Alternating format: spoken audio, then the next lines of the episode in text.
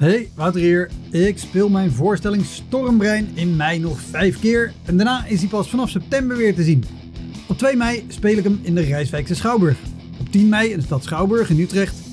17 mei in het Toon Hermans Theater in Sittard. 25 mei in de Wiese in Schalkwijk. En 29 mei in het Stadstheater in Zoetermeer. Eind mei maak ik mijn nieuwe speellijst bekend, inclusief een te gekke show in de zomer.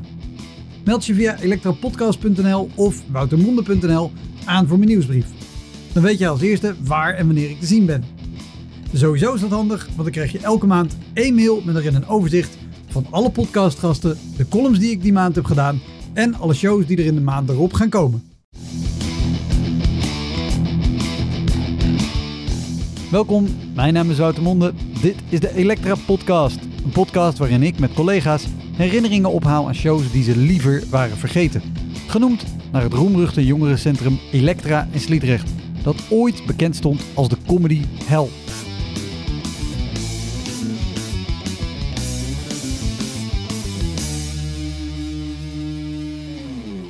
Deze keer is Toby Kooijman te gast. Toby is stand-up comedian en hij toert vanaf 2021 met zijn eigen avondvullende voorstelling. Direct na mij was een verstandelijk beperkte vrouw. Die, schre- die, die ging zelfgeschreven gedichten voordragen met levenslessen. Ehm, zij ging denk ik beter dan ik. en ik... eh, Toby won de juryprijs bij het Amsterdam Studenten Cabaret Festival en de publieksprijs bij het Kamerettenfestival. De Volkskrant noemde hem een van de drie cabarettalenten om in de gaten te houden voor 2021.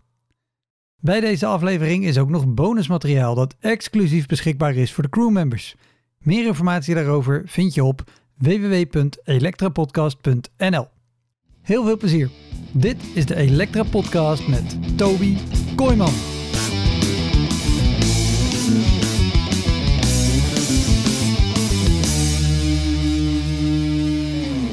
een welgemeend hallo aan de trouwe luisteraars van de Elektra-podcast. Waarmee ik niet wil zeggen dat, dat de Elektra-podcast-luisteraars trouw zijn. Of dat mensen die niet trouw luisteren stom zijn. Maar, eh, dus je hebt natuurlijk trouwe luisteraars en je hebt mensen die alleen maar luisteren als er bekende namen zijn. Maar die Ja. mensen luisteren nu niet, want ik ben er.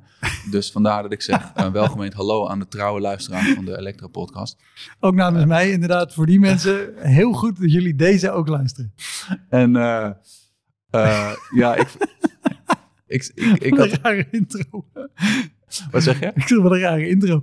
Maar ga verder, sorry. Ja, nou ja, ik vind het, ik vind het überhaupt een, een leuk concept. Een, een komiek hebben natuurlijk altijd, altijd die verhalen van hellgigs die ze aan elkaar vertellen. En dat je er gewoon een podcast van hebt gemaakt. Sowieso, als nu iemand naar me toe komt tijdens een show of van, hey, ik heb hier een verhaal. Dan kan ik gewoon zeggen, bel anders Wouter Monde even, zeg het tegen hem. Dan kan ik later terugluisteren. Maar ehm, ik... eh, ik dacht dus van, nou, ik ben, nog, niet- ik ben niet bepaald een veteraan. Ik, ik was heel even bezorgd. Heb ik wel genoeg meegemaakt qua vreselijke, hachelijke ervaringen eh, om er een heel gesprek mee.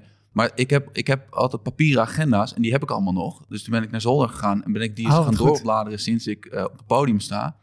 Nou, het komt wel goed hoor. Met, eh, met, eh, met, met eh, optredens die je zou willen vergeten. Of, Want, want voor het plaatje, hoe, hoe lang speel je nu eigenlijk? Eh, ik ben, eh, mijn eerste optreden was in mei 2014. Ja. En ehm, toen, ik kwam daar dus ook langs toen ik er bladerde. En wat mij eigenlijk opviel, eh, daarom kon ik het ook redelijk gestructureerd op een blaadje schrijven met wat steekwoorden, is dat mijn bestaan tot nu toe best wel in vijf verschillende fases op te, nou, als komiek dan, Ja. eh, is op te delen. Waarbij fase 5 is pandemie. Maar daar komen we straks op. Maar de langste fase was eigenlijk fase 1. Dat heeft drie jaar geduurd. Namelijk de fase, ik studeerde nog en deed gewoon elk optreden dat ik, werd, dat ik kreeg aangeboden. Want dat waren er nog steeds niet heel veel. Maar ja, maar dat ik doe was je. al lang blij dat ja, ik kon precies. spelen. Alles wat er, wat er is, pak je aan. En dat eerste optreden eh, wat ik had, dat was, eh, dat, dat, dat was, het optreden zelf was niet, was niet zo erg, maar dat heeft me een vertekend beeld gegeven, waardoor ik daarna nogal eh deksel op mijn neus kreeg. Want ik had een tekstje geschreven van twee minuten of zo. Dat las ik voor aan een vriend en een vriendin. Die moesten toen lachen en zeiden, er is binnenkort een open podium bij onze studievereniging. Ga daar anders een stukje comedy doen. Nou, ik dacht, lijkt me wel eens leuk. Dus ik belde de organisatie van het Open Podium. Mag ik comedy doen? En die hadden natuurlijk ook geen idee van hoe je zoiets organiseert. Die hadden gewoon elke keer een Open Podium met bandjes. Dus die zeiden, ja, is goed. Nou, het is allemaal bandjes. Ook wel leuk om comedy tussendoor. Elk bandje krijgt 20 minuten, dus jij ook. Jezus. Uh, ga maar 20 minuten stand-uppen. En ik, oh, nou, dat is natuurlijk meer dan twee. Ik wil best 20 minuten stand-uppen. Dus toen heb ik een verhaal geschreven van 20 minuten en dat voor mijn muur gerepeteerd. En uh, dat heb ik daar toen gedaan. Maar dat was voor 60 man, waarvan ik er 40 persoonlijk kende, die het me allemaal ook nog heel erg gunden.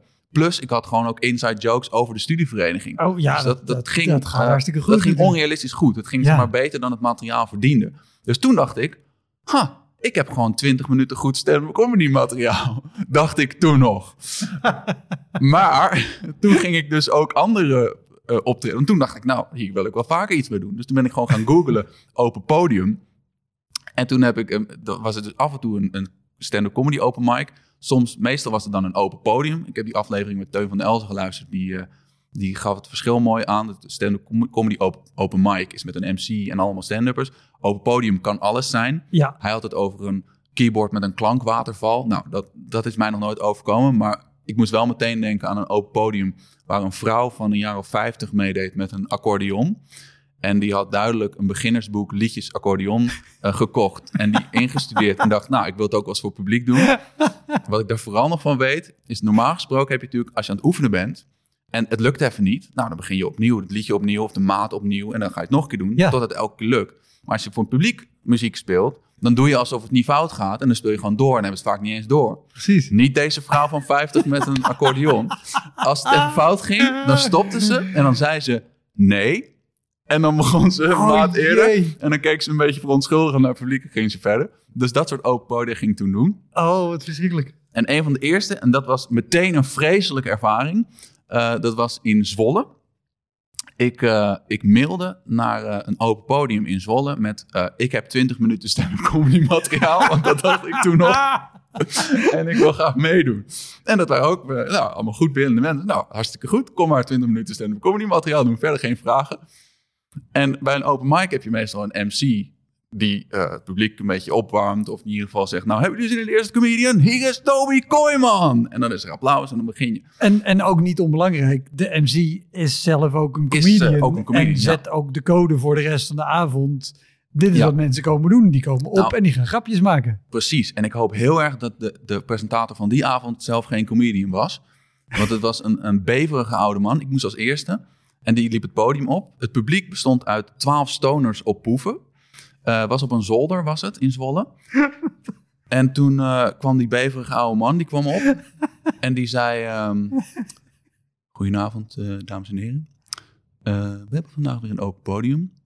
Aardig wat gesproken woord. Met onder andere Toby Kooijman. Toby, mag ik je vragen het podium te betreden? En toen liep je het podium af en ging ik het podium op. Jezus. Eh, dat ging niet heel goed. Daar is niet gelachen. Eh, ik weet ook nog dat direct na mij was een verstandelijk beperkte vrouw. Die, die, die ging zelfgeschreven gedichten voordragen met levenslessen. Ehm, zij ging denk ik beter dan ik. En ik... eh, ik- en ik, ik weet ook... Ik weet het ook nog, omdat zij mij achteraf aansprak. Ik geloof om tips te geven aan mij.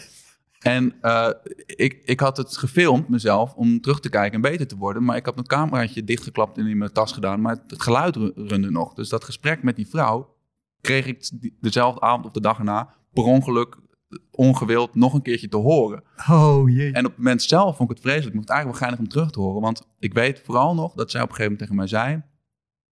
Ja, en waar je misschien ook wel iets mee kan, is je naam. Want ik had laatst een film gezien van Harry Potter.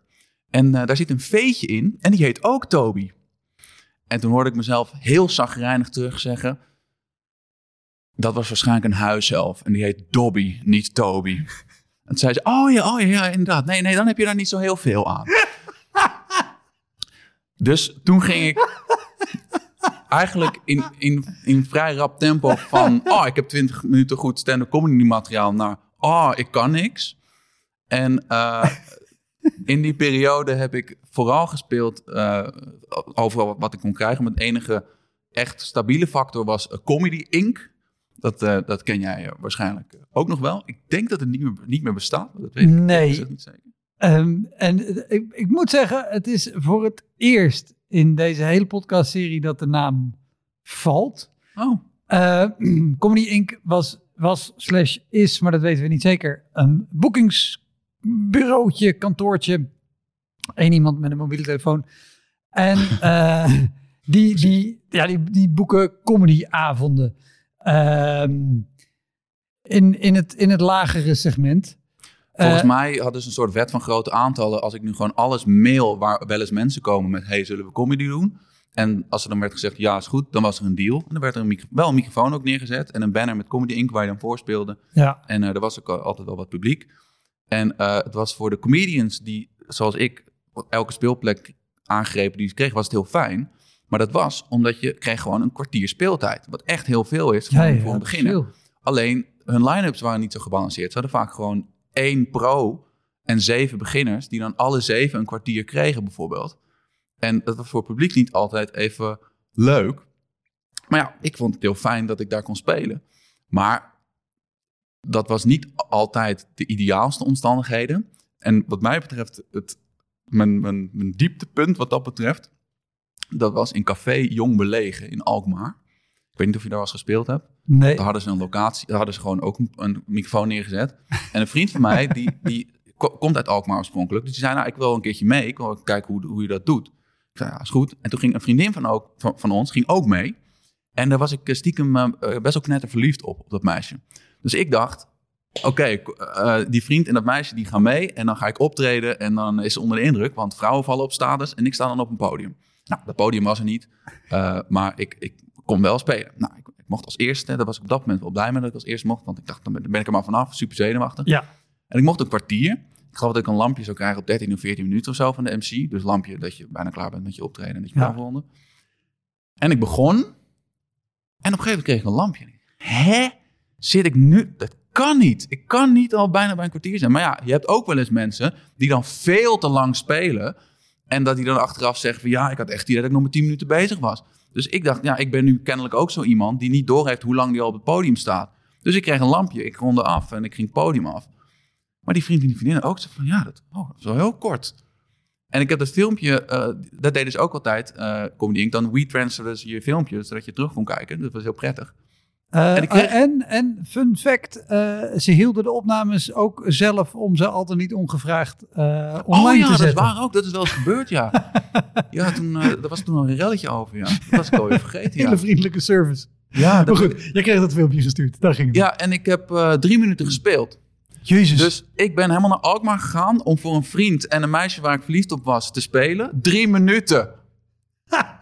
Dus die dachten toen ook, die gaat elke keer naar alle uithoeken van het land om drie minuten te spelen. Dat dat de standaard maar waarom was. kreeg je dat lampje dan al? Ja, nou die MC, ik ben wel meteen daarna naar die MC gegaan. Ik zeg, "Had- zat ik er nu al aan? En toen zei hij ook van, ja, ja, volgens mij wel, ja, ja.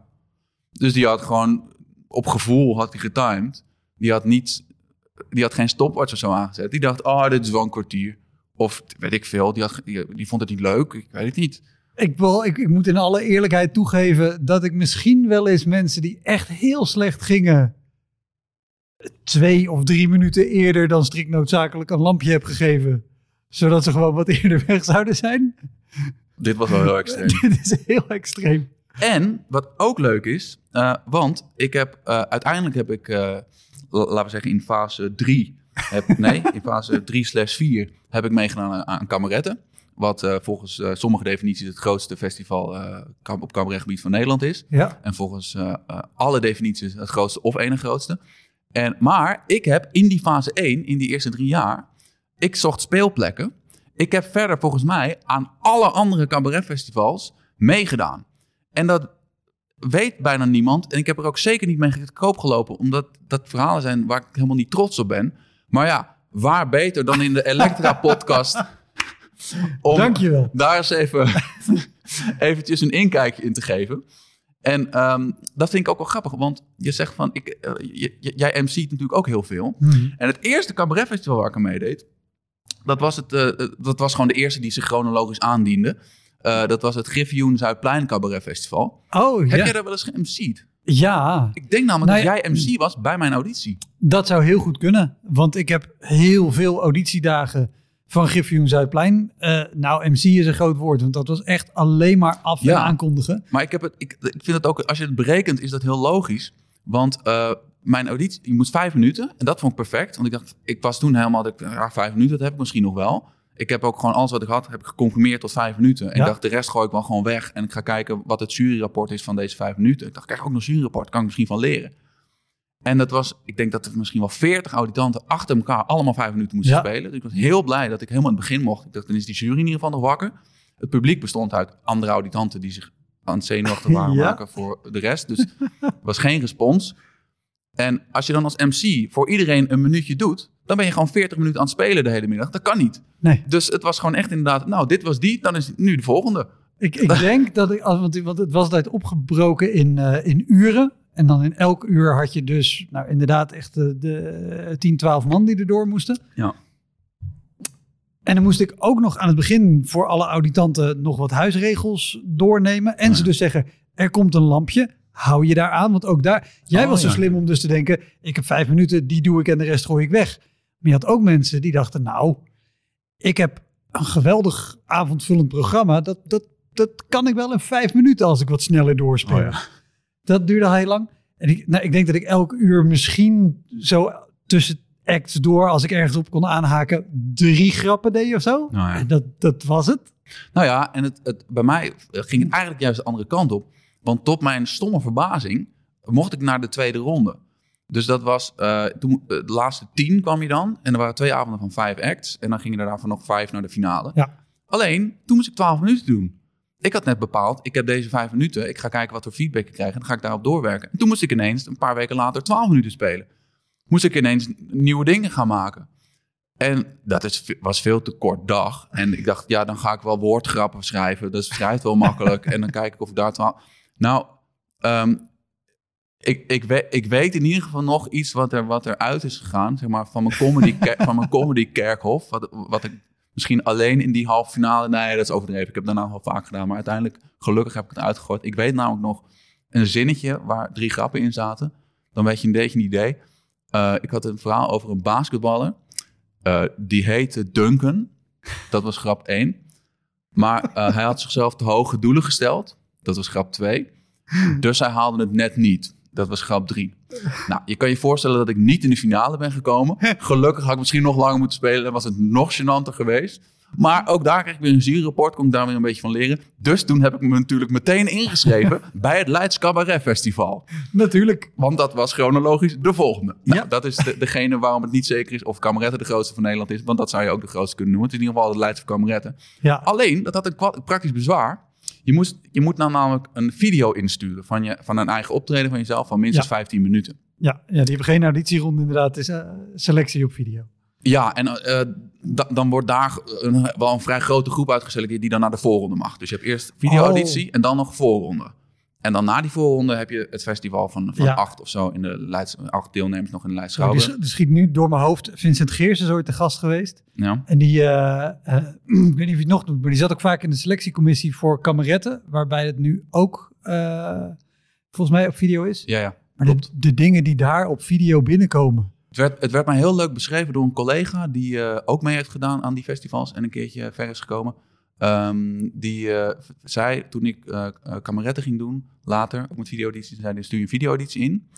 En ehm, aan de ene kant heb je, doen ze dat omdat je mensen hebt die ze te oud vinden of die al te vaak hebben meegedaan of nou, die ze al wel kennen. Maar aan de andere kant heb je de mensen die ze nog niet kennen. En als, jou kennen ze nog niet. Als ze dan je video zien en daarop kunnen ze zien dat je kan praten, dan ben je er doorheen. Eh, hoorde ik later. Nou, ik heb bewezen bij Leids dat dat niet genoeg is om door de video-auditie te komen. Eh, want het probleem was dus, ik moest, ik moest minstens een kwartier insturen. En ik had twee keer opgetreden langer dan een kwartier. Eén keer was bij mijn studievereniging met allemaal inside jokes erbij over mijn studievereniging. Dus dat leek me niet geschikt voor een festival. En één keer was... keuze. Ja. Wat zeg je? Goeie keuze om dat niet in te sturen. Eh, ja, maar ook de andere was die zolder in Zwolle met 12 stoners op poeven.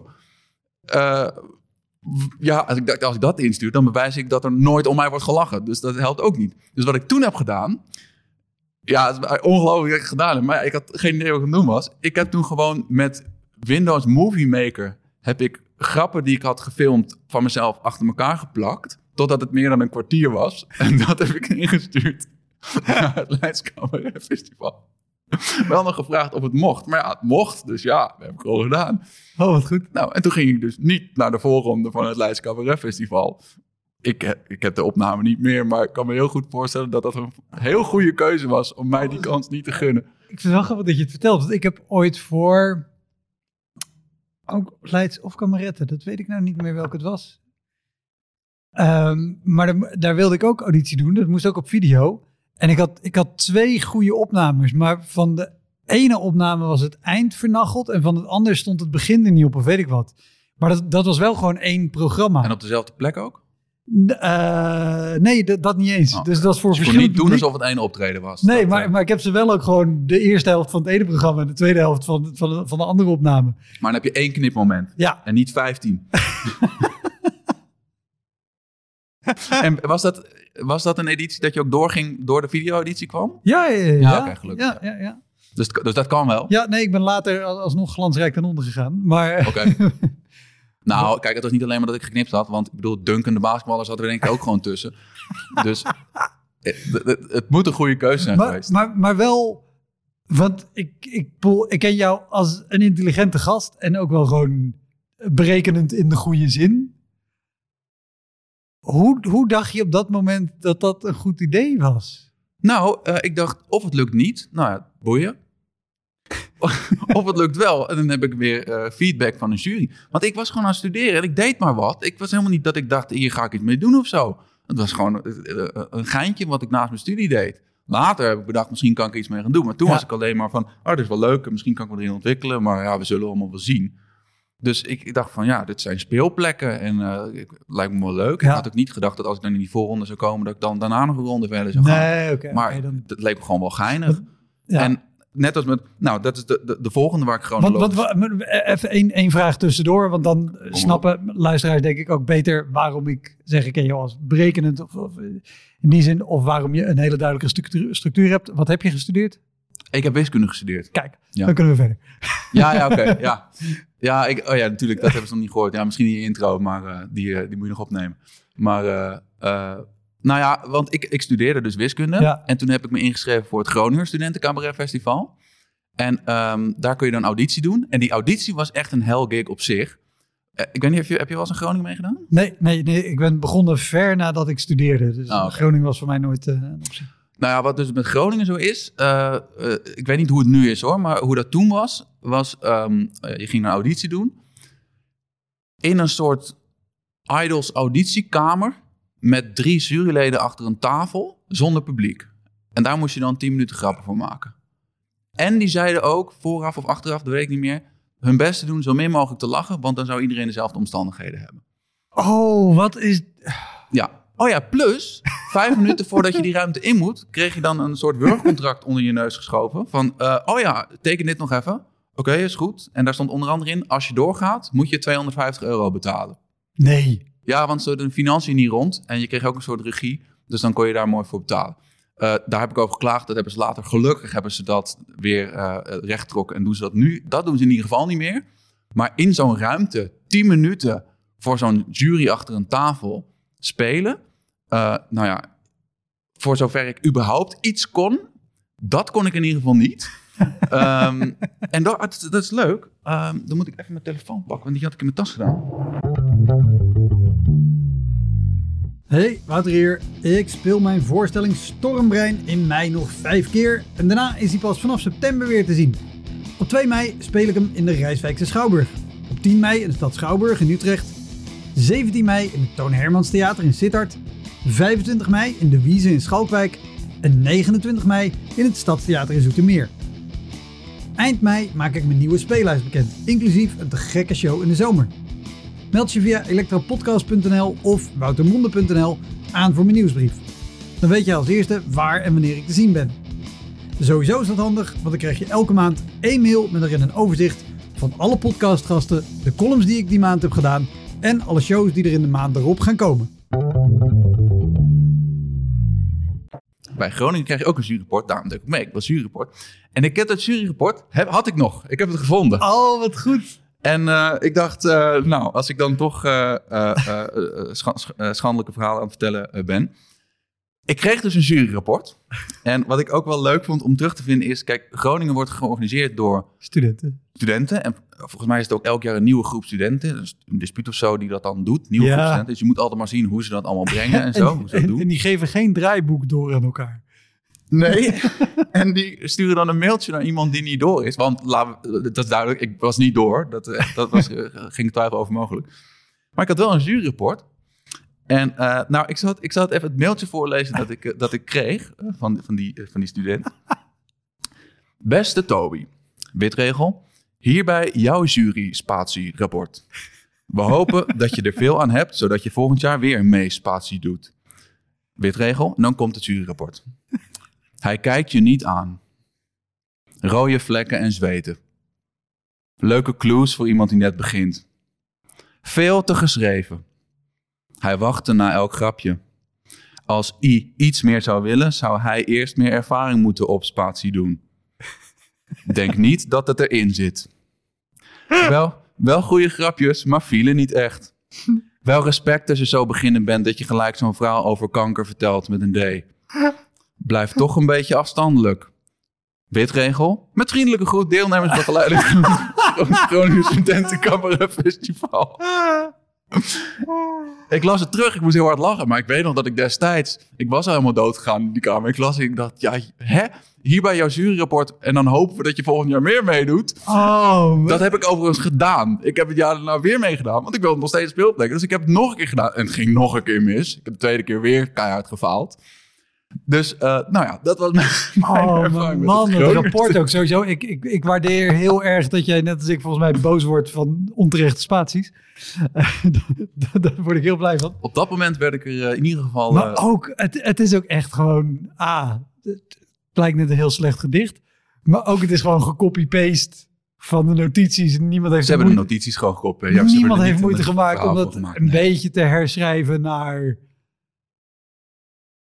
Nee. En Oh. ja, het- eh, ik... In alle eerlijkheid, waarschijnlijk is dit echt heel accurate, een heel accurate beschrijving van, wat, wat ik daar stond te Ja, doen. ja, ja. Dus het, eh, het klopt er waarschijnlijk wel. Dus, eh, nou ja, je kunt je voorstellen, de volgende stap was natuurlijk het Amsterdam En, Studentencabaret en, en, Festival. en even om je te onderbreken, want er zit ook in, de, eh, in het juryrapport... eh, aan het einde stond eh, wel moedig dat je zo'n verhaal over kanker vertelt met een D. Oh ja, ja dat, dat, is, dat klopt. Ik heb ook kanker gehad Ja. eh, als, als tiener. En daar, daar heb ik ook materiaal over.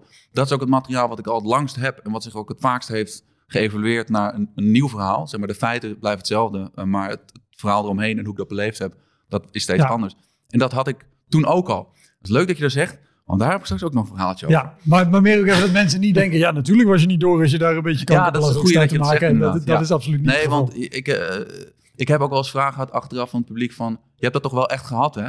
En eh, dat vind ik best een relevante vraag. Want als Ja. je dat niet hebt gehad en je gaat dat verzinnen dat je dat gehad hebt... om een verhaal over te... dat zou heel lelijk zijn, vind ik persoonlijk. Je kunt alles verzinnen, maar dat je kanker hebt gehad... als je dat gaat verzinnen om er grappen over te kunnen maken... eh, eh, vind ik een beetje... zou ik Nee, een beetje maar lelijk toch vind ik het een bijzonder iets hoe dat werkt bij mensen in hun hoofd. Ik heb ooit in een programma ehm, mijn doch- de dochter van mijn zus, mijn nichtje, die is geboren, die is vier dagen oud geworden en is toen overleden. Daar heb ik ook Oh. wel eens grappen over gemaakt op het podium. In, in een programma, dat, was ook, weet je, dat was logisch dat dat erin zat. Ja. Maar dan ook mensen die, die achteraf zo.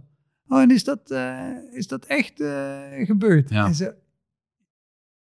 ja, maar denk je dat ik.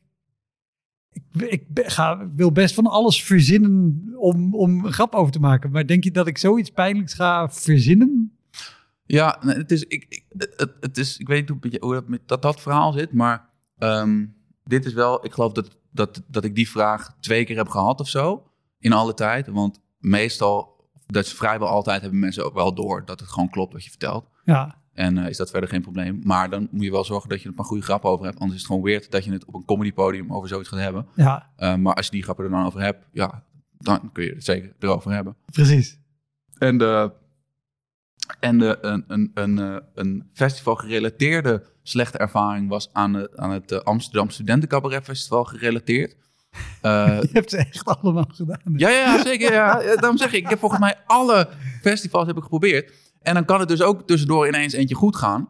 Want bij het Amsterdam Student Cabaret Festival, dan, dan, gaan ze de, dan hebben ze niet een voorronde. Dan gaan ze gewoon de open mics af als een soort scouting. En dan Ja. vragen ze aan zes mensen, wil je meedoen? De zes die ze het leukst vinden. Dat was toen ook. Dus dan heb je twee halve finales meteen. Daar zat ik toen in. Dat ging toen heel goed. Toen kwam ik in de finale en daar won ik toen de juryprijs. Dus dat was ineens Nou, eh, met, met een set van 20 minuten. Dus Dan dat- heb je het goed gedaan. had ik wel een iets betere reden om te denken... misschien heb ik toch wel iets van 20 minuten wat een beetje oké is. Maar toen mochten we met de finalisten mochten we nog één keer optreden daarna in... eh, nou, we kunnen het hier zien. I, aan de overkant van het Comedy Café. Het, Filmmuseum. Het Filmmuseum in Amsterdam. Ja. Daar hebben wij toen, eh, eh, mochten we één optreden doen. En ik vond het fantastisch, want ik was er wel eens geweest. Heel mooie grote bi- bioscoopzaal. En voordat je daar bent heb je zo'n zo'n mooie grote ruimte met, eh, met een soort, soort café-gedeelte. Er stond ook een DJ te spelen. Dus nou, wij daarheen. En dan met iemand van, van het AI liepen we naar die, naar die bioscoopzaal. Moesten verwachten. Er was nog iets bezig in die zaal. Wij stonden in die gang te wachten. Dus toen zei ik op een gegeven moment tegen die, tegen die man van AI, zei ik van, waarom staan eigenlijk hier in de gang allemaal banken? En toen zei hij, eh, ja, dit is eh, voor het publiek. Ik zei, ja, maar dit is een bioscoop. Er zijn allemaal stoelen. Is er zoveel publiek dat er nog banken bij moeten? Nee, nee, jullie spelen in de gang. Waarom? En dat was dezelfde fysieke ruimte als die DJ. Dus toen hebben we alle drie eh, eh, 20 minuten staan spelen. En nou, ik denk dat toch zeker de helft van het publiek me kon verstaan.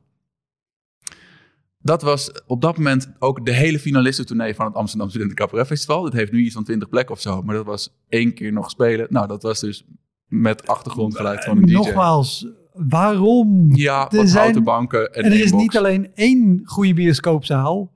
Er zijn zes goede bioscoopzalen. Dan sta je tussen allemaal toplocaties. Sta je in een gang sta je te spelen. Zelfs, zelfs gewoon in die grote eh, eh, restaurantruimte, zeg maar, zou je nog zou je kunnen spelen. De enige plek die volkomen ongeschikt is om te spelen in het filmmuseum De is gang, de gang. naast een hele goede plek om te kunnen spelen. Precies. Ehm, en bij mij naar door alle festivals heen. Want ehm, een van de juryleden van het ACF die had gezegd... eh, nou, dan is een, een logische vervolgstap is het Amsterdamse Kleinkunstfestival. Dat is een logische vervolgstap. Ik nou oké, laat ik eens even googlen. Toen was de inschrijving net gesloten. Heb ik tussendoor nog meegedaan aan eh, de eh, Talent Comedy Award in Delft. Dat bestaat nu niet meer. En eh, wat destijds de Comedy House Comedy Competitie heette. Dat heet nu de Comedy Talent Award. En dat is leuk, want die heb ik allebei gewonnen. Dus als eh, aankondigers nu aan mij vragen, of, of MC's van kan ik nog iets, heb je nog iets aan de prijs gewonnen of zo, dat ik iets over je kan zeggen voordat je het podium gaat. Dan zeg ik dus altijd, nou zeg maar dat ik de Talent Comedy Award en de Comedy Talent Award in één jaar heb gewonnen. Want ik denk dat ik de enige ter wereld ben die die twee prijzen in één jaar heeft gewonnen. En toen heb ik daarna heb ik, eh, gegoogeld wat kleinkunst betekende. Want ik had die, dat woord nog nooit gehoord. En ik dacht, ja, ik moet wel met iets meedoen waar ik bij pas. En eh, nou, als je kleinkunst googelde, dan kwam er gewoon uit cabaret. Nou, mooi, dat is wat ik doe, Ja. cabaret. Dus toen heb ik me ingeschreven voor het Amsterdamse Kleinkunstfestival. 10 minuten auditie in Bellevue. Ging prima. Ik moest wel, ik, kreeg nog een- ik moest nog bellen met een regisseur van, van het AKF. Die vertelde dat ik moest werken aan mijn mise en scène. Dus toen zei ik, oh ja, is goed, ga ik doen. Geen idee wat mise en scène was.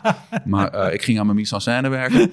En eh, toen, toen ben ik, eh, mocht ik naar de 20 minuten auditie. Nou, 20 minuten had ik dus wel inmiddels een beetje. Het ging ook best oké. Toen, mocht ik door toen mocht ik ineens door naar de 30 minuten de volgende ronde. En dat was even schrikken. Want ik had nog nooit langer dan 20 minuten op het podium gestaan. En toen moest ik ineens voor het eerst, eh, bij de laatste negen van het Amsterdamse Kleinkunstfestival, moest ik voor het eerst in mijn leven 30 minuten spelen. En ehm, ik, ik, ik, ik moest toen later nog een beetje denken aan dat allereerste optreden bij mijn studievereniging. Want ehm, sowieso, er waren negen acts over drie avonden. Dus drie, drie, eh, drie keer drie eh, Mhm. acts. Ja. En ik was de achtste act, dus de tweede act van de derde avond. Dus er waren al zeven acts geweest. En dat waren allemaal verschillende theatervormen. Ik was de enige echte pure stand-upper. En ehm, de, de- het waren allemaal het waren ook echt van, van die, van die afstudeervoorstellingjes. Die, die echt, echt van die mooie kom, eh, ronde half uurtjes. rond Echt en- af. en, eh, En ik moest voor het ja. eerst in mijn leven 30. Maar ik dacht, oké, ik heb toch niet zo'n mooi rond geheel. Eh, en het publiek was elke avond dezelfde mensen. Ik begin gewoon met over iedereen voor mij en over de presentator even een grapje te maken. En dat vond het publiek vond dat fantastisch. Want dat, was, dat week heel erg af van wat Ja. iedereen aan het doen was. Al dat ingestudeerde, wat allemaal heel mooi was. Maar ik begon gewoon met een grapje. Dus het gevolg was dat ze mij meteen in hun hart sloten. En dachten, oh, wa- wat hij ook doet, we vinden het grappig. Dus dan lijkt het ineens alsof het allemaal hartstikke goed is. Bovendien, dat is ook met nieuw materiaal zo. De eerste keer gaat het vaak best wel goed. Nou, Ja. dit was sowieso een deel nieuw materiaal, want voor het eerst 30 minuten. En dan gaat het de tweede keer het allerslechtst. En dan daarna steeds iets beter. En dan hoop je dat het op een gegeven moment beter gaat dan de eerste keer. En dit was ook een beetje zoiets. Dus die, eh, en de jury die, die, die, vond het ook helemaal, le- helemaal leuk, toen nog. Want eh, dit is de Elektra-podcast, dus dit gaat natuurlijk niet goed eindigen. Eh, ik weet ook nog, want ik, ik begon met al die, ik begon met al die, eh, al die grapjes over alle anderen. En ik zei van ja, ik moet nu met iets origineels komen, zeg ik tegen het publiek. Dat vond ik best wel moeilijk. Maar ik heb bedacht wat ik ga doen. Eh, ik ga eerst even iets over mezelf vertellen en dan ga ik weg. Nou, dat ging ik toen doen en toen ging ik weg. En toen eindigde het juryrapport met hij eh, vertelde iets over zichzelf en ging veel te vroeg weg. Nou, prachtig juryrapport. Dus ik naar de laatste zes. Helemaal, ah. En toen mocht ik ook nog daarna met Pieter Bouwman gaan werken. Want je krijgt dan een, een eh, regisseur eh, toegewezen van het festival. Of je mag kiezen met wie je wil werken. En ik zeg, nou, ik, als, als ik met Pieter Bouwman kan werken, wil ik graag met Pieter Bouwman werken. Ja, allemaal regisseur van, van Hans Theeuwen. Micha Wertheim, Micha Wertheim. allemaal andere de goede radio deed hij. eh. Zelf ook nog op het podium gestaan in Poelmo. Wat ik een fantastische sketches show vond. En daar kon ik ineens mee gaan werken. En ik merkte ook wel dat ik ook echt gewoon goed met hem over cabaret kon praten. Maar ik wilde wel vasthouden aan dat half uurtje van die kwartfinale, van die laatste negen. Want ik dacht, ja, hallo, eh, dit werkt. Dit ga ik ook in de halve finale doen. Ja. We kregen wel nog een workshop liedjes schrijven van Theo Nijland tussendoor. En ik maak geen liedjes, dus dan heb ik een rap geschreven. En ik dacht, nou, dat is leuk. Die heb Theo tegen- Nijland is trouwens ook helemaal geen lullige naam om een workshop liedjes schrijven van te Zeker krijgen. niet. En eh, hij heeft me ook echt goed kunnen helpen met die rap. En die rap heb ik toen ook in dat half uurtje gestopt. En eh, eh, dacht ik, dan ga ik daarmee die halve finale doen. Maar er gingen, er gingen toen wat dingen mis. Want eh, die halve finale kwam. Ik had al wel tijdens... Want je hebt dan een halve finalistentournee bij het AKF. Dus dan mag je nog iets van tien keer of zo je half uurtje oefenen. Ja.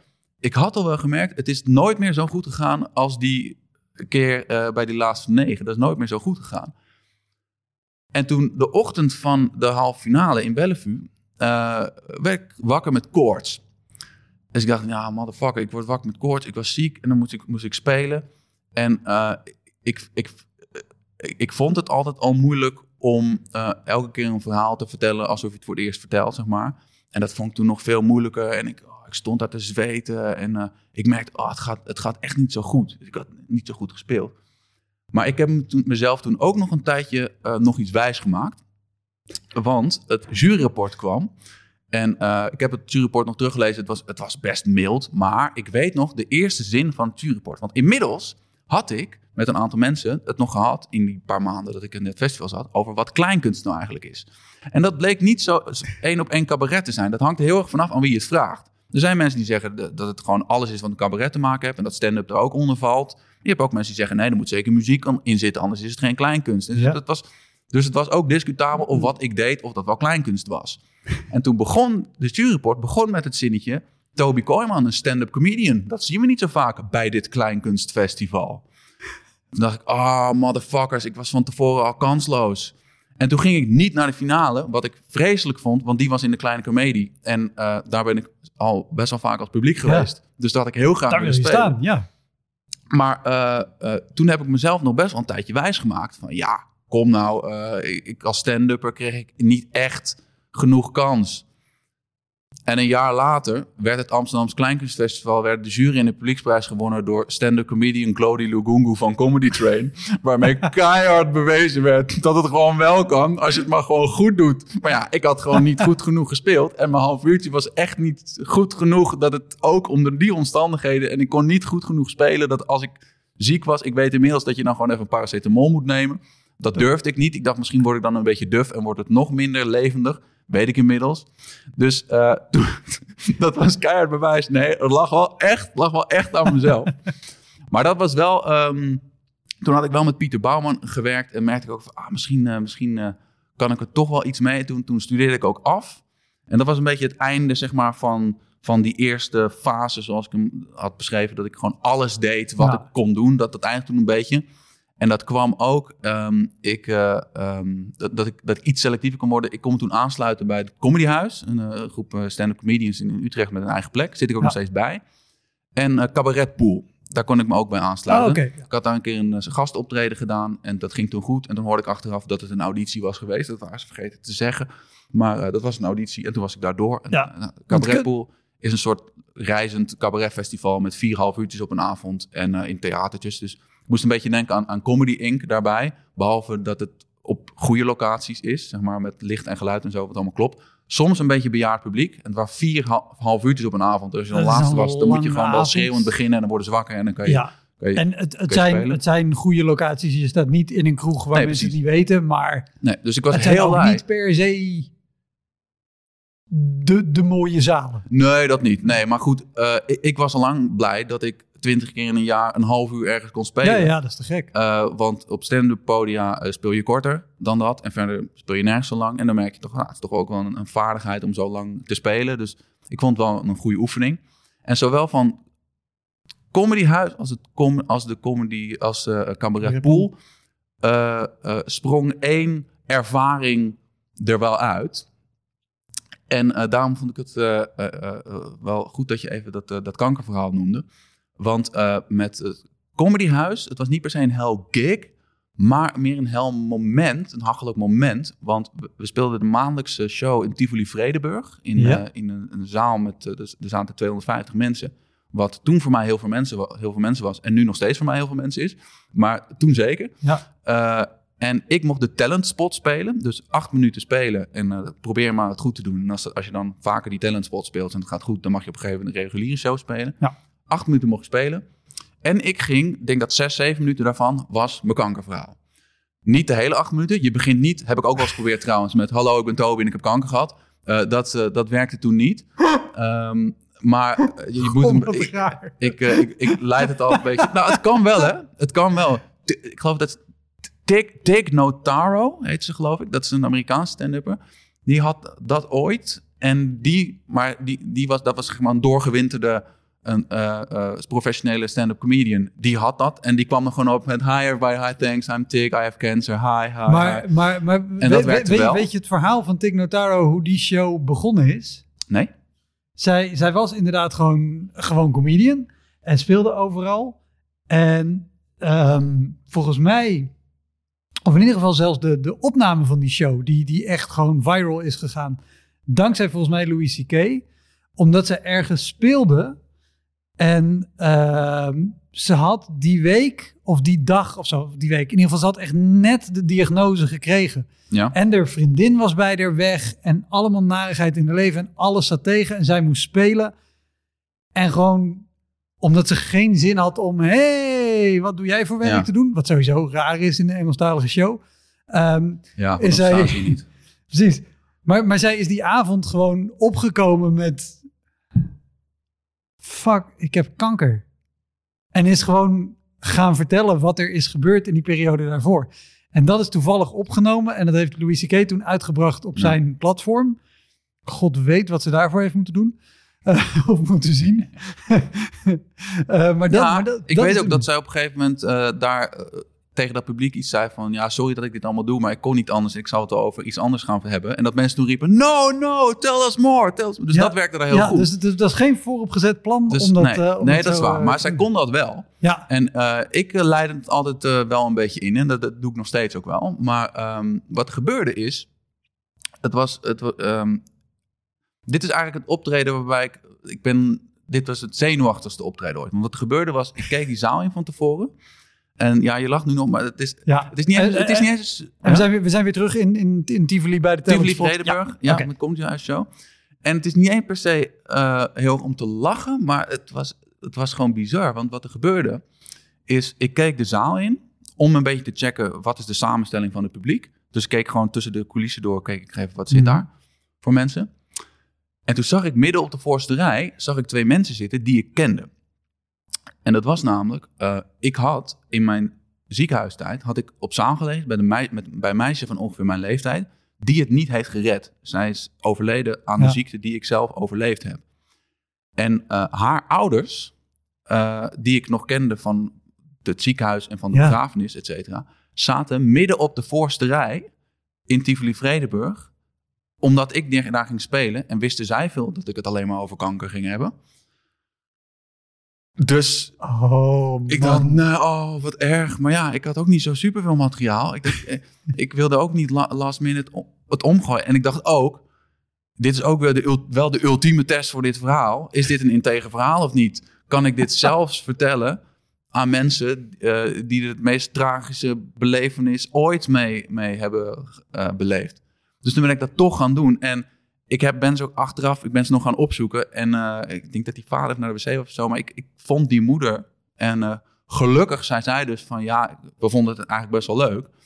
En dat is ook een ding wat ik toen er niet zo goed door had, maar nu wel beter, is dat, dat zij zij zelf ook. Van, ja, natuurlijk, we hebben het juist zelf meegemaakt. Dus dan kunnen we grappen erover juist waarderen, omdat we het herkennen. Ja. En ik heb ook wel eens hier in het Comedy Café dat ik eh, hier voor het eerst een stuk ging doen over Marokkanen. En dat ik een groep Marokkanen zag zitten in het publiek van tevoren. Ik dacht, nou, ik ben wel benieuwd hoe dat valt. En dat achteraf is het heel makkelijk dat het logisch is. Maar dat de Marokkanen vooral moeten lachen om dat stuk, omdat die gewoon het herkennen. Ja. En juist de, de witte mensen denken, oeh, het gaat over Marokkaan. Mogen we hier om lachen? Terwijl Marokkanen denken, oh, dat is grappig, het gaat over Ja. ons. En dat is een heel ander voorbeeld dan eh, dat, je, dat, dat, je, dat je het over zo'n ziekte hebt. Maar dat, dat is wel een patroon eh, wat ik daarin zag. Want verder, eh bij het comedyhuis heb je niet echt hellgigs, want die weten gewoon hoe je een show organiseert. Maar via Cabaretpool heb ik wel... In, in het begin van het comedyhuis heeft comedyhuis ook wel wat shows georganiseerd die verre van ideaal waren. Oh ja, toen, toen, toen speelde ik waarschijnlijk nog niet-. Dus ik, geluk- ik kan zeggen, gelukkig heb ik dat... eh, Ik, ik werk regelmatig en met heel veel plezier samen met Comedyhuis, maar ik heb in het verleden ook wel dingen gedaan. Oké, gaan we dit doen? Ja. Nou, nu gaat het in ieder geval een stuk beter. En, eh, en, maar bij Cab- Cabaretpool, die, zeg maar die tour van Cabaretpool, dat was allemaal waren wel prima optredens. Maar eh, het, het, het is ook een soort van... eh, ze krijgen ook wel aanvragen voor optredens. Dat dan mensen hebben dan de Cabaretpool gezien en die willen dan iemand de Cabaretpool boeken. En dat gaat dan via de Cabaretpool. Ja. En toen kreeg ik een aanvraag van een... eh, via een eh, via Cabaretpool van een, een bedrijf met consultants. En dat waren veel technische consultants. En ik heb wiskunde gestudeerd, dus dat leek ze wel een, een goede match. Of ik daar dan misschien een optreden wilde doen bij het jaarlijkse bedrijfsbijeenkomst. En wat, wat consultants die zitten bij allemaal klanten, dus die zijn zelden samen. Dus die komen dan één keer per jaar een keertje met z'n allen samen om dingen te bespreken. En er waren nog twee andere eh, eh, opties. En of ik dan even iets aan een filmpje had of zo, dat ze konden kiezen. En toen heb ik, dat, eh, heb ik die, die kwartfinale van het AKF, van het Amsterdam Kleinkunstfestival, heb ik gezegd, nou, laat dit maar zien, want dit ging heel goed. En toen kreeg ik een mailtje, nou, ze willen jou en ze willen graag dat je je AKF half uurtje doet voor hen. Nou, oké, prima. Eh, ik kreeg toen nog bijna nooit betaald eh, voor optredens en toen ineens best wel veel, dus ik was er helemaal blij mee. Ja. En eh, toen ging ik daar naartoe. Het was een restaurant. En ehm 40 mensen aan een tafel. En het idee was presentaties. Eerst een presentatie van de HR-baas. Dan een presentatie van de baas. Van de HR-baas was ook logisch, omdat er ook wat nieuwe gezichten waren. En dan de baas. En dan ik. En dan eten. Dat was het programma. En oh. Nou, met een, er stond een PowerPoint en daar stond het programma stond erop op die PowerPoint. Daar stond dus nou, eh, toespraak of presentatie van de HR-baas met zijn naam erbij, toespraak van eh, de baas. En dan het vierde punt eten. En het derde punt stond wiskunde bijles. Dat stond er. Geen comedy, wiskunde bijles. bijles. Oh. Nou, dus ik moest mijn optreden beginnen met uitleggen dat ik grappen ging maken. En niet wiskunde bijles ging geven. Dus niemand wist dat er iets van comedy kwam. Ondertussen hadden ze honger en was het koude buffet achter mij zichtbaar. En, en moest ik een half uur. En ik moest mijn AKF half uurtje doen. Maar je kent mij, ik ben vrij letterlijk. Dus ik ben echt mijn AKF half uurtje gaan doen. Maar daar zat dus ook die rap in. En het moment dat ik voor 40 hongerige mensen. Want zij wisten dus ook toen ik daar aan het begin zat. niet dat ik een nieuw gezicht of dat ik een comedian was. Want er zijn meer, meer nieuwe gezichten. En dat is allemaal die naar klanten gaan. Dus die dacht, nou, dat is gewoon ook een nieuwe consultant. Dus ja, ik sta ineens op en ik ga ineens een half uur. Maar op het moment dat ik stond te rappen voor 40 mensen die niet op mij zaten te wachten en die wilden eten. Toen ging de tekst uit mijn mond, maar in mijn hoofd dacht ik: wat de fuck sta ik hier te doen met mijn leven? En ik, ze hebben, ze hebben laat, dat is nog wel interessant, want ze hebben, ze, ze hebben me later hebben ze nog een mailtje gestuurd naar Cabaretpool, maar dat ze het best wel leuk vonden. Ik dacht, nou, waarschijnlijk hebben ze zich gewoon gerealiseerd dat ik die mail ook ging lezen en vonden ze me wel aardig en wilden ze me niet beledigen. Ja. Want een, een, eh, een, eh, eh, de, de vriendin van mijn beste vriend, die is daar op een gegeven moment gaan werken, jaren later, bij dat bedrijf gaan werken. en eh, dat was daar nog steeds wel iets waar wel eens naar werd gerefereerd van die maffe gast met zijn rap. Die, die, die daar een half uur ons van ons eten af kwam houden. Maar dat was zeg maar, laten we zeggen, dat was een beetje fase 2. Dat duurde een jaar, cabaretpool, eh, comedyhuis en een, eh, iets, iets, iets ehm, eh, selectiever kunnen zijn naar optredens. En daarna begon ik eh, toch wel af en toe eh, betaald te krijgen voor optreden. Soms en weinig. Maar toen kon ik in ieder geval wel stoppen met cabaretpool. Want daar kreeg ik geen geld voor. En voor andere dingen wel. Kon je wel bij, bij het Comedy Café spelen. En het TVB-theater heeft eh, eh, comedy shows in het land. Kon ik ook wel spelen. Dus toen kon ik, eh, eh, eh, kon ik een beetje... eh, nou, la- la- laat ik zeggen, fase 3, dat was het seizoen 18-19, zeg maar. Laat, laat ik het semi-pro noemen. Maar dat betekent niet dat er geen hellgigs meer waren. Oh nee. Sterker nog, mijn allerergste hellgig tot nu toe in mijn leven was in december 2018 bij het Amsterdamse winterparadijs in de Rai. Daar ben ik geweest. Daar heb ik ook gespeeld. Heb je daar ook gespeeld? Heb je... Oh, Bij die houten tribune met houten banken, oplopende tribune en dan daaronder spelen? En dat ze ja, dan en daarachter een apres-ski hut. Ja, Oh, ja, want ik moest invallen voor, voor iets of iemand. dat is grappig dat je dat zegt, dat je moest invallen. Want, Ja, ik weet niet of, of ik het nou het verhaal moet vertellen of Nee, jij. vertel jij maar, Ik- vertel jij, vertel jij. Oh, m- oh, ik voel het gelijk. Maar eh, misschien, eh, misschien heb je nog wat aanvullingen. Doe die, voor, doe die aanvullingen vooral. Maar eh, wat er namelijk aan de hand was. Ik vind het grappig dat je zegt: ik moest invallen. Want ik, moet, ik zou daar in eerste instantie niet spelen. Maar ik werd. misschien was dat bij jou ook wel zo. Ik werd in ieder geval. Ik werd halverwege de kerstvakantie. werd ik Ja. opgebeld. En eh, door een collega. die in een cabaretduo zat. Ja, En die belde mij op. eh, Toby, eh, wij zouden twee weken spelen hier. Ehm, eh, bijna elke dag en dan twee keer per dag. Maar we zijn ingestort. ga, ga je zo vertellen wat het Amsterdam Winterfestival überhaupt is? Ja, Oké, ja. Ja. ga verder. Eh, want die belde me dus op van eh, Toby. Wij spelen nu, we zouden twee weken spelen bij het Amsterdamse eh, Winterparadijs in de Rai. En dat is een, een, evenement. En daar is ook theater. Hebben we nu een week gespeeld van de twee weken. En we zijn ingestort. En ik, oh, ja, ja. En we hadden net ook een andere tour gehad. En we studeren ook nog. En we hebben tentamens na de kerstvakantie. Dus ja, het is allemaal best wel zwaar. En het is, ook, het is ook wel moeilijk spelen hier. Maar er is wel gewoon een technicus, een licht en alles. Dus nou ja, zou jij, zou jij de tweede week van ons willen overnemen? En het betaalde ook wel, eh, wel aardig. Zeker omdat je dan eh, gewoon Ja. bijna elke dag kan spelen. Dus ik dacht, nou, pak het. Ik heb toch geen, geen zak te doen in deze week. Ik ga het gewoon doen. Dus nou, ik naar dat Amsterdamse winterparadijs de dag erna op de fiets. Ik woon ook in Amsterdam. Gelukkig kon ik op de fiets erheen. Want ik kwam daar. En ehm, het Amsterdamse winterparadijs is een soort van... Ja, het is een enorme hal, want het is de RAI. Het is voor, voor, voor gezinnetjes vooral. Voor gezinnetjes met kinderen. Het is een schaatsbaan en sneeuwballen en spof en poffertjes. En nou ja, dus ook een soort apres-ski hut en eh, van alles. Maar je hebt ook theater. Ja, En wat ze op zich... eh, ik, nou, ik kwam daar en ik vroeg waar is de technicus? Nou, ik werd naar de technicus. Nou, we zullen eens even een soundcheck doen. En, eh, dus ze hadden een technicus geregeld. En het licht was ook goed. Want er was een houten tribune neergezet. En nou, aan, aan de voet van die tribune was gewoon een, een, een vlak vloer. En daar kon je dan spelen. En daaronder, daaromheen hadden ze allemaal gordijnen opgehangen van 50 meter hoog. Wat daar past, want zo hoog is het. Ja. Waardoor het licht ook goed was. Maar ja, die gordijnen houden niet al het geluid tegen. En het waren allemaal krijzende kinderen buiten die, die tent. ja. Dus ik, ik maakte me er al een beetje zenuwachtig over.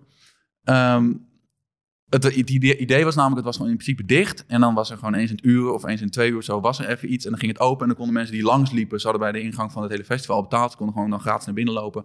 En dan kregen ze eventjes een, een half uur theater en dan konden ze weer verder met hun leven. Dat was het idee. Voor mij was een, eh, een, was een eh, poppenkast kindertheater.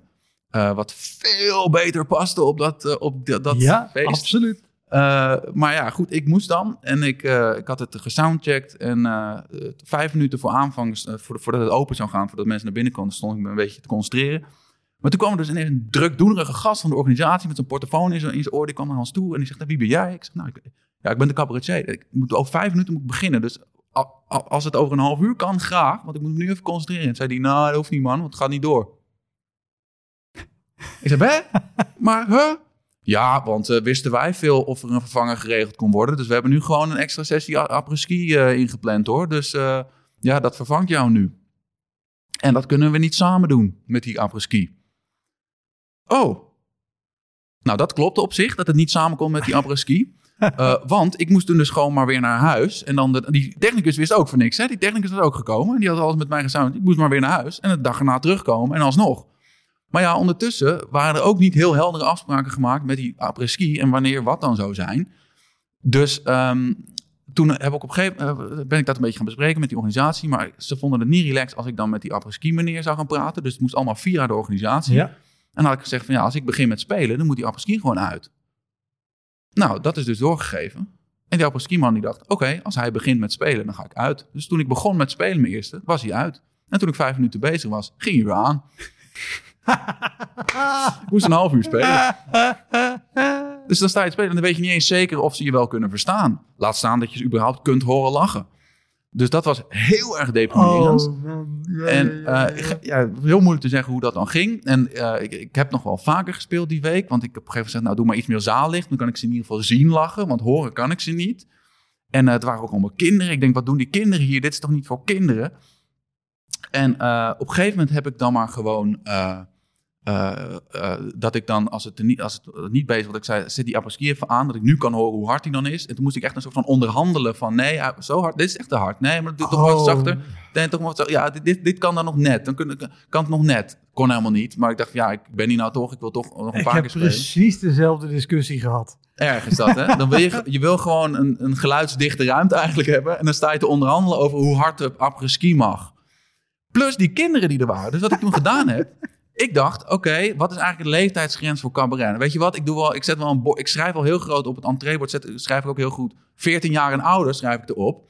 Eh 12 kan ook nog wel, maar dan heb ik het, niet, heb ik het iets scherper. Dan Ja. zijn die toch zat mensen. Het loopt echt elke keer wel vol. Het staat wel elke keer vol. 14 plus. Ja, dan denkt natuurlijk elk kind van 11. Oeh, 14 plus, dat is spannend. Dat komt dan natuurlijk wel. Dus dat hielp totaal niet. En toen heb ik echt een kapitale fout gemaakt. Want wat er toen gebeurde, ik had toen dus weer zo'n zaal met mensen. Dus het waren echt mensen die dan gewoon met hun jas aankwamen. Ze binnenlopen met hun telefoon voor hun neus. En als ik dan begon, dan keken ze op van hun telefoon. Maar ho maar die telefoon wegstoppen. Die bleef gewoon in de hand. En als Ja. het niet interessant was, keken ze weer terug. Maar ze hadden wel nog, ze hadden wel nog in ieder geval fatsoen om te snappen... oké, dit is gewoon een afgesloten half uur. Ik moet hier in ieder geval een half uur zitten. Want, eh, nou ja, goed, dat- eh, daar heb ik voor getekend, zeg maar. Maar wat ik... en daar, daarom heb ik dus zo'n blunder gemaakt. Want ik zag dus dat publiek weer... En eh, een paar meisjes van een jaar of acht... en een stelletje op de voorste met een kinderwagen... zat er ook. En eh, toen dacht ik, ja, ik moet even duidelijk maken... dat het eigenlijk niet voor kinderen is. Dus ik heb gewoon tegen dat publiek gezegd... toen ik begonnen was van, ja, even voor duidelijkheid eigenlijk, ik had ook 14 plus bij de ingang gezet. Jullie zijn echt acht of zo. En, en wat ik wilde zeggen was: dit is een goed moment om weg te gaan. Dit is een goed moment. Mag gewoon prima, geen schande. En dan ga ik gewoon mijn voorstelling doen. Maar niet tijdens mijn voorstelling, dat is vervelend. Dus nu kan je weggaan. Dat wilde ik zeggen. Maar wat ik zei was: trouwens, je kan gewoon weggaan. Hè? Je mag gewoon weggaan. Dat is geen probleem. Dus toen dachten die mensen, oh, dat is relaxed. Dit is gewoon een onderdeel waarbij je gaan kijken of je het leuk vindt. En als je het niet leuk vindt, dan ga je weg. Dus ja, dan heb je allemaal mensen die een beetje op hun telefoon af en toe naar mij luisteren. En op een gegeven moment dachten som- sommigen van, ah, nee, ik vind het toch niet. Ik heb toch wel meer zin in poffertjes. En dan gingen ze gewoon weglopen. dus toen was het al slecht te verstaan. Zaten er al kinderen. En gingen ook nog eens mensen weglopen. En ehm, op een gegeven moment, dit was bijna het dieptepunt, eh, was er een man met een leren jack en een petje op. Die ging ook weg, maar niet rechtstreeks naar de uitgang. Ik verzin dit niet. Hij liep eerst het podium op, want hij vond het belangrijk dat hij eerst nog even naar mij liep. Om nog even tegen me te zeggen: Ik zou maar even goed aan mijn script gaan werken als ik jou was. En toen liep hij naar de uitgang. Jezus. Toen ging ik helemaal dood van binnen. Ik had 10 minuten gespeeld. Ik moest nog 20 minuten. En toen begon de baby op de voorste rij te huilen.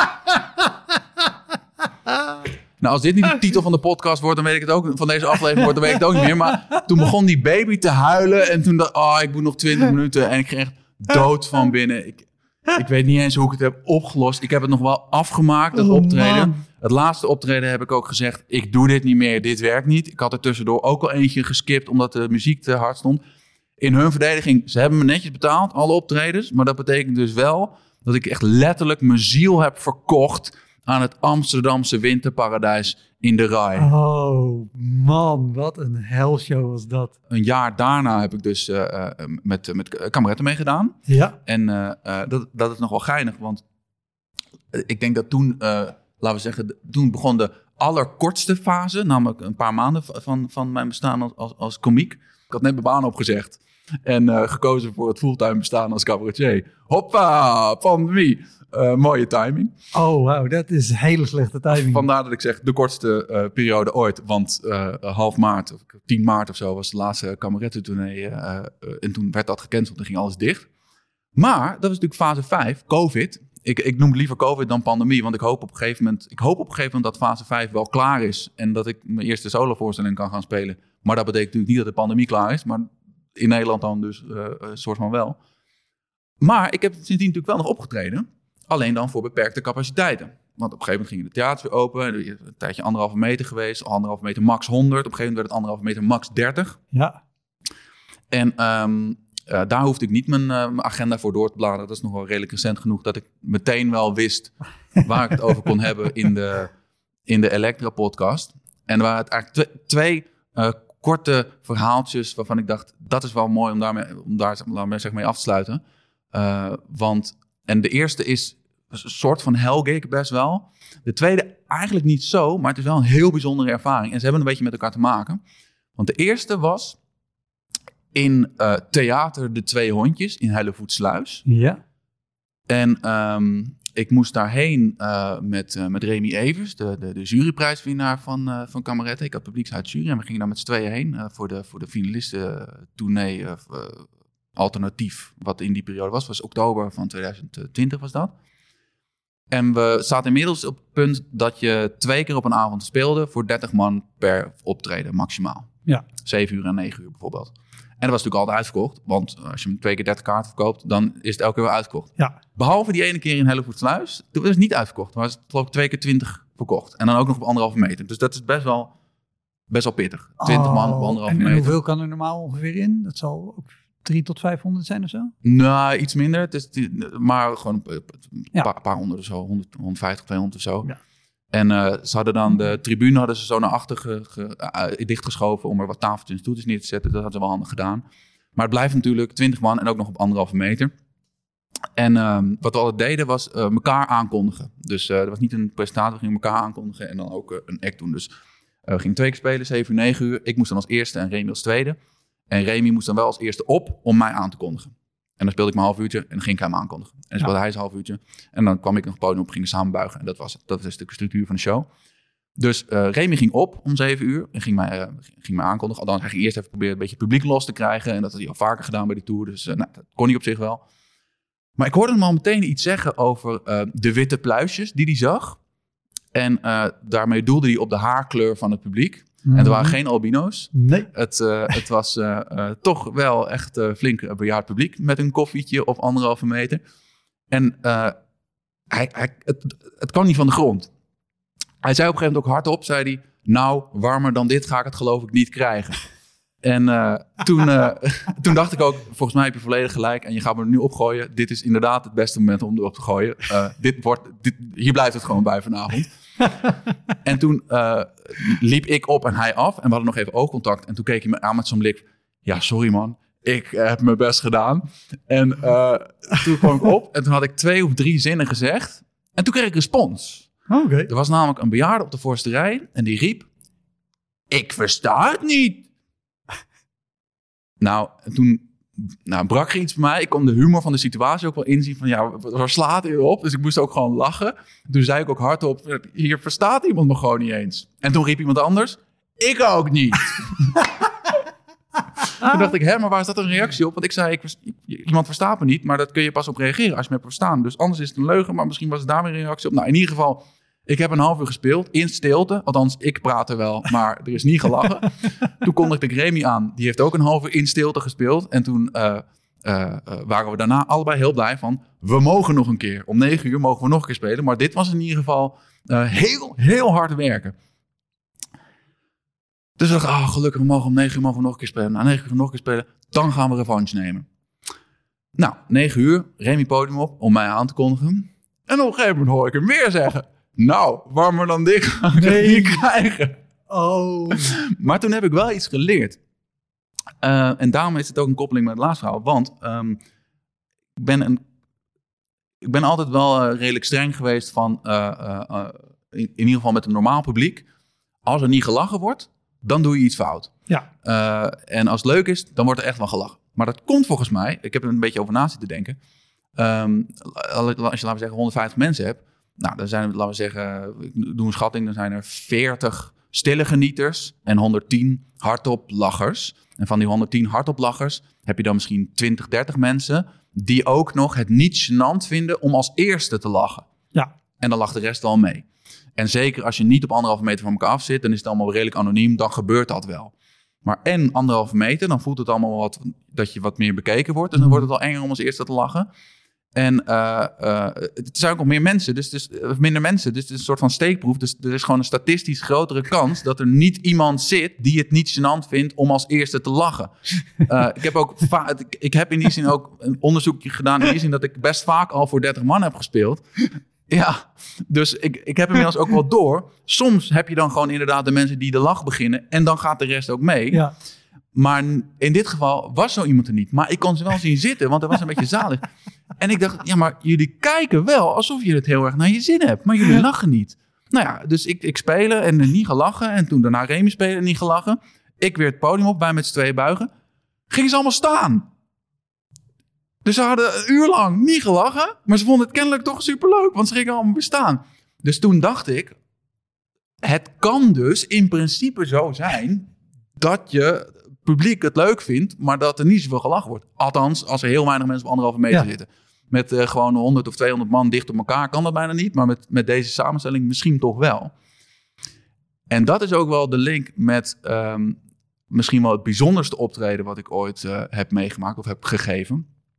Want dat was eh, ook een aantal maanden geleden, eind 2020 20. werd ik gebeld vanuit Theater De Naald in Naaldwijk in Ja. de gemeente Westland. Want ehm, De Naald was benaderd door de gemeente Westland. Er was namelijk ehm, een man die daar werkte bij de gemeente. En die was eh, terminaal ziek. Die eh, had nog maar een paar maanden te leven, had kanker, was ongeneeslijk ziek. En eh, het lijkt, ik merk nu ineens dat dat best wel een terugkerend thema is trouwens in mijn verhalen. Maar het, het, het, het is ook in die zin niet toevallig, want wat er namelijk aan de hand was. ehm, hij was een heel trouw bezoeker van de naald. Hij ging heel vaak naar cabaret in de naald. Ja. En, en de naald heeft ook nog eens gewoon heel veel cabaret. Ja, zeker, ja. En eh, eh, eh, die, die, die collega, hij ging daar stoppen ook. Want hij, het, contract liep af en hij was ook gewoon te ziek. Ja. En hij ging er stoppen. En zijn collega's wilden hem als afscheid, wilden ze hem nog een keertje meenemen naar een cabaretvoorstelling. Maar een normale voorstelling, dat ging niet echt meer. Hij had te weinig energie om nog s'avonds naar, naar een cabaretshow te gaan. En ook anderhalf uur was misschien te lang. Dus wat ze dan wilden was in de naald op een ochtend eh, drie kwartier cabaret eh, voor die man. Dus ik kreeg de vraag om op een dinsdagochtend om 11 uur.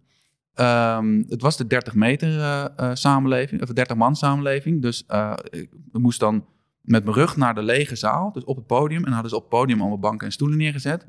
Om dan te spelen, drie kwartier, voor een, eh, ja, een, een terminaal zieke man met zijn vrouw en schoonzoon en, en, en een dochter, of zoon en schoondochter. Ja. En nog 26 collega's waarvan je niet weet of ze überhaupt ooit naar ca- cabaret of theater gaan. En eh, daar dan voor spelen. Of ik dat wilde doen. en eh, ik, eh, ik, sprak, ik sprak Ruben later en die zei iets van... Ja, je hebt al ja gezegd. Want die, die begrijpelijkerwijs... Ja, best wel een heftige omstandigheid om in te spelen. En gaat dat wel goed? Maar toen dacht ik dus... Ja, oké. Waarschijnlijk gaat er niet zoveel gelachen worden. Als het ochtends is, mensen nog wakker moeten worden. Mensen überhaupt nooit naar comedy gaan. En het een heel beladen situatie is, omdat het de laatste keer is dat ze die man zien. Maar ik dacht ook, dat hoeft helemaal niet erg te zijn. Dat heb ik net een beetje geleerd.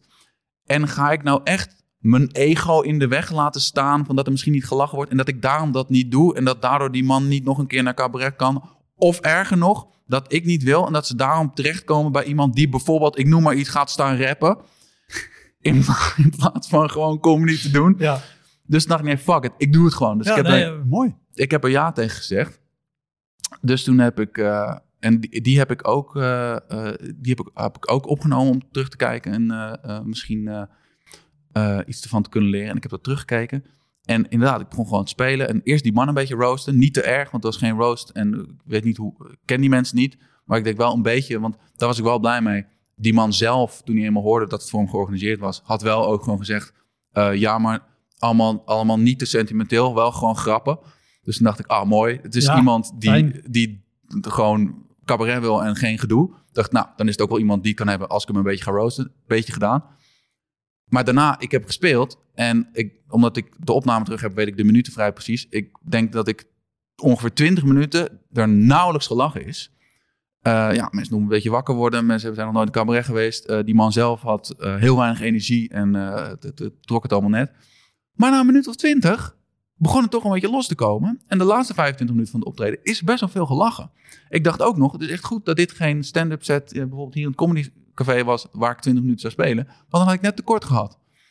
Maar toen heb ik dus drie kwartier gespeeld. En toen ging ik het podium af. Althans, ik liep opzij, want Ja, het podium af was niet eh, echt logisch. Maar eh, ja, toen heeft dus die baas van die afdeling heeft nog een afscheidsspeech gegeven voor die afdeling. En eh, die man zelf heeft een afscheidsspeech gegeven nog. Letterlijk. Want ja, die mensen werken allemaal thuis en met Zoom.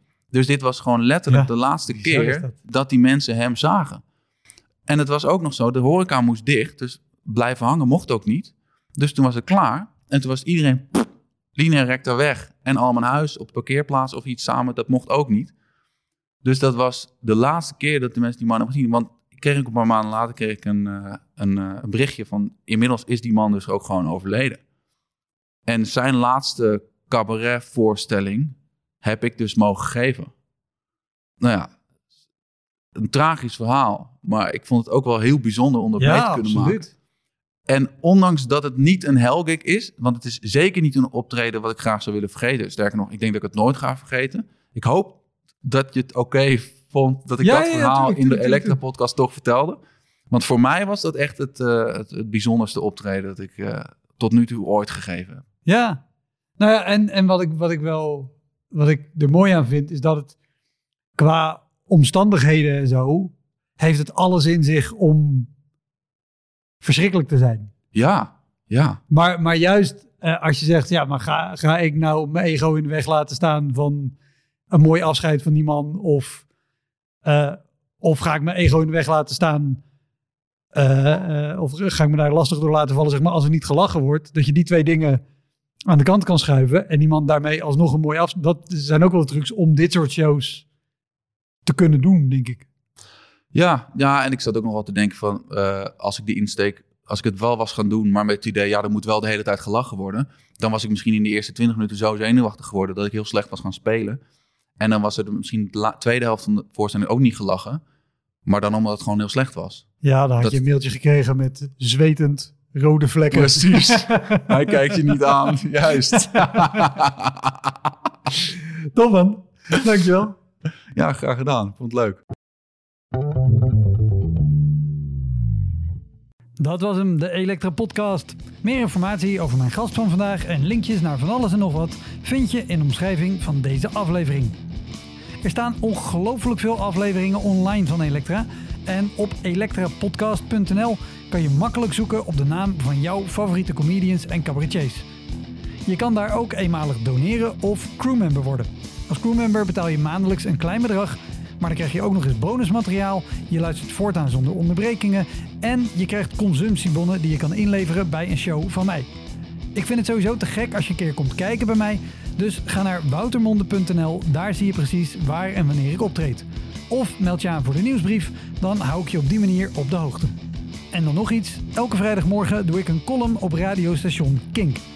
Je kan die column terugluisteren als podcast. Hij heet Kink op de Week en je vindt hem in de app waar je ook deze podcast luistert. Oké, tot de volgende Elektra.